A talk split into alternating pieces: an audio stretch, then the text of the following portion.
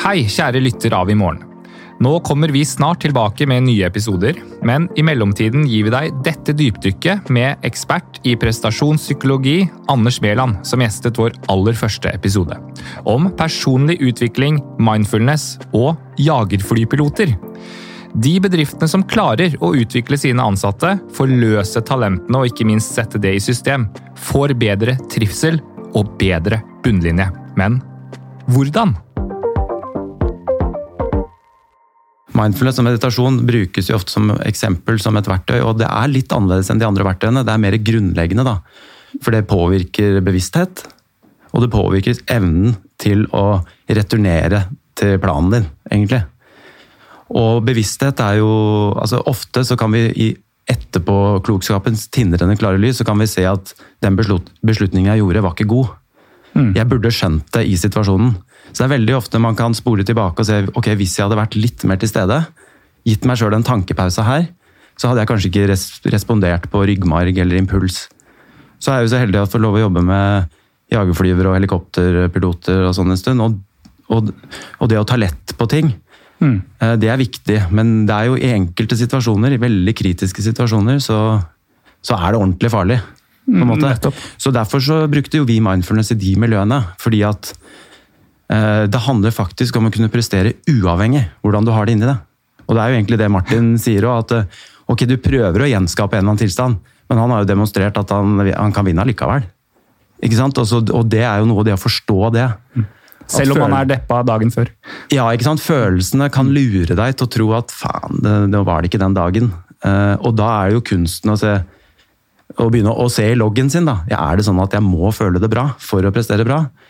Uh, og det, jo, det, har vi jo sett, forskningen viser jo også det. At uh, veldig mange gullmedaljer er vunnet i, med like mange farger på de følelsene som det er følelser. Men du nevnte at du hadde jobbet med helikopterpiloter, jagerflyvere. Kan du ikke bare fortelle litt så vi forstår? Hva er det, det, hva er det du så da du gjorde en jobb i de miljøene? Ja, og Det er kanskje eh, den erfaringen som jeg trekker mest på inn i finansmiljøet. Det handler om at det er OL hver eneste dag. Kanskje. Mm. Du vet ikke. ikke sant? Så det er veldig spennende.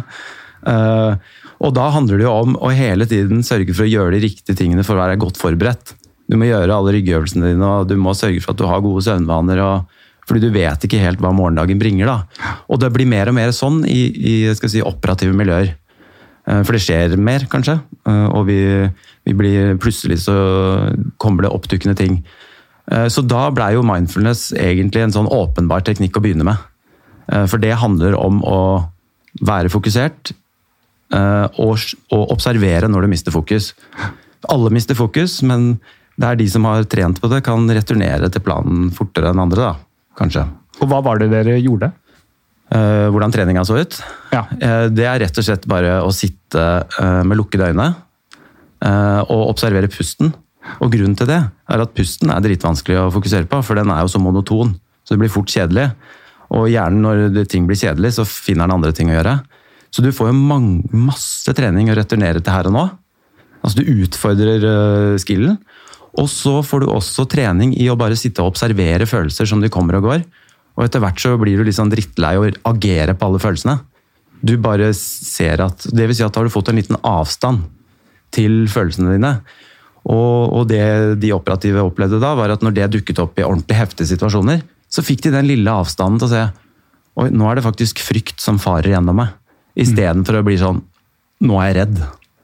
For da tar du over kontrollsystemet ditt og handlingene dine. da. Og det er ikke dermed sagt at de ikke var veldig gode på dette allerede.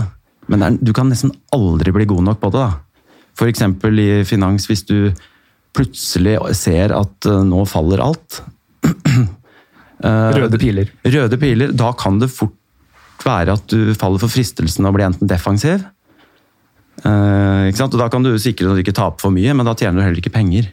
Fant du noen effekt, sånn målbar effekt, på, på hvordan denne treningen hjalp? Ja, så De satt altså 20-25 minutter tre ganger i uka, de jagerflyverne, uh, over et år. Uh, men da skulle vi bare sjekka ut er sånn at er de villige til å ta den pilla her. For dette er jo over ti år siden nå. Mm. Så jeg husker jeg gruer meg fælt når jeg skulle opp på den jagerflyskvadronen og fortelle nå skal dere sitte i stillhet. Og, vi tror det, er, det er ingen andre som har gjort det, men uh, vi tror dette har effekt.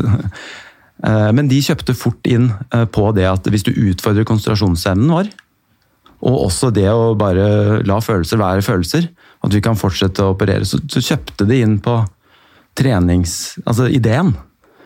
Uh, og, det tok ikke lang tid før de opplevde at de fikk en større ro, til tross for at på utsiden så gikk ting veldig opp og ned. Og de opplevde at de fikk bedre relasjoner. Altså Ved å sitte mm. med lukkede øyne for seg sjøl, så ble det bedre miljø. Det handler kanskje om at Aha. de ser hverandre litt mer. De har tid til å lytte, ikke bare tenke på det neste de skal si. Altså En del sånne ordinære ting.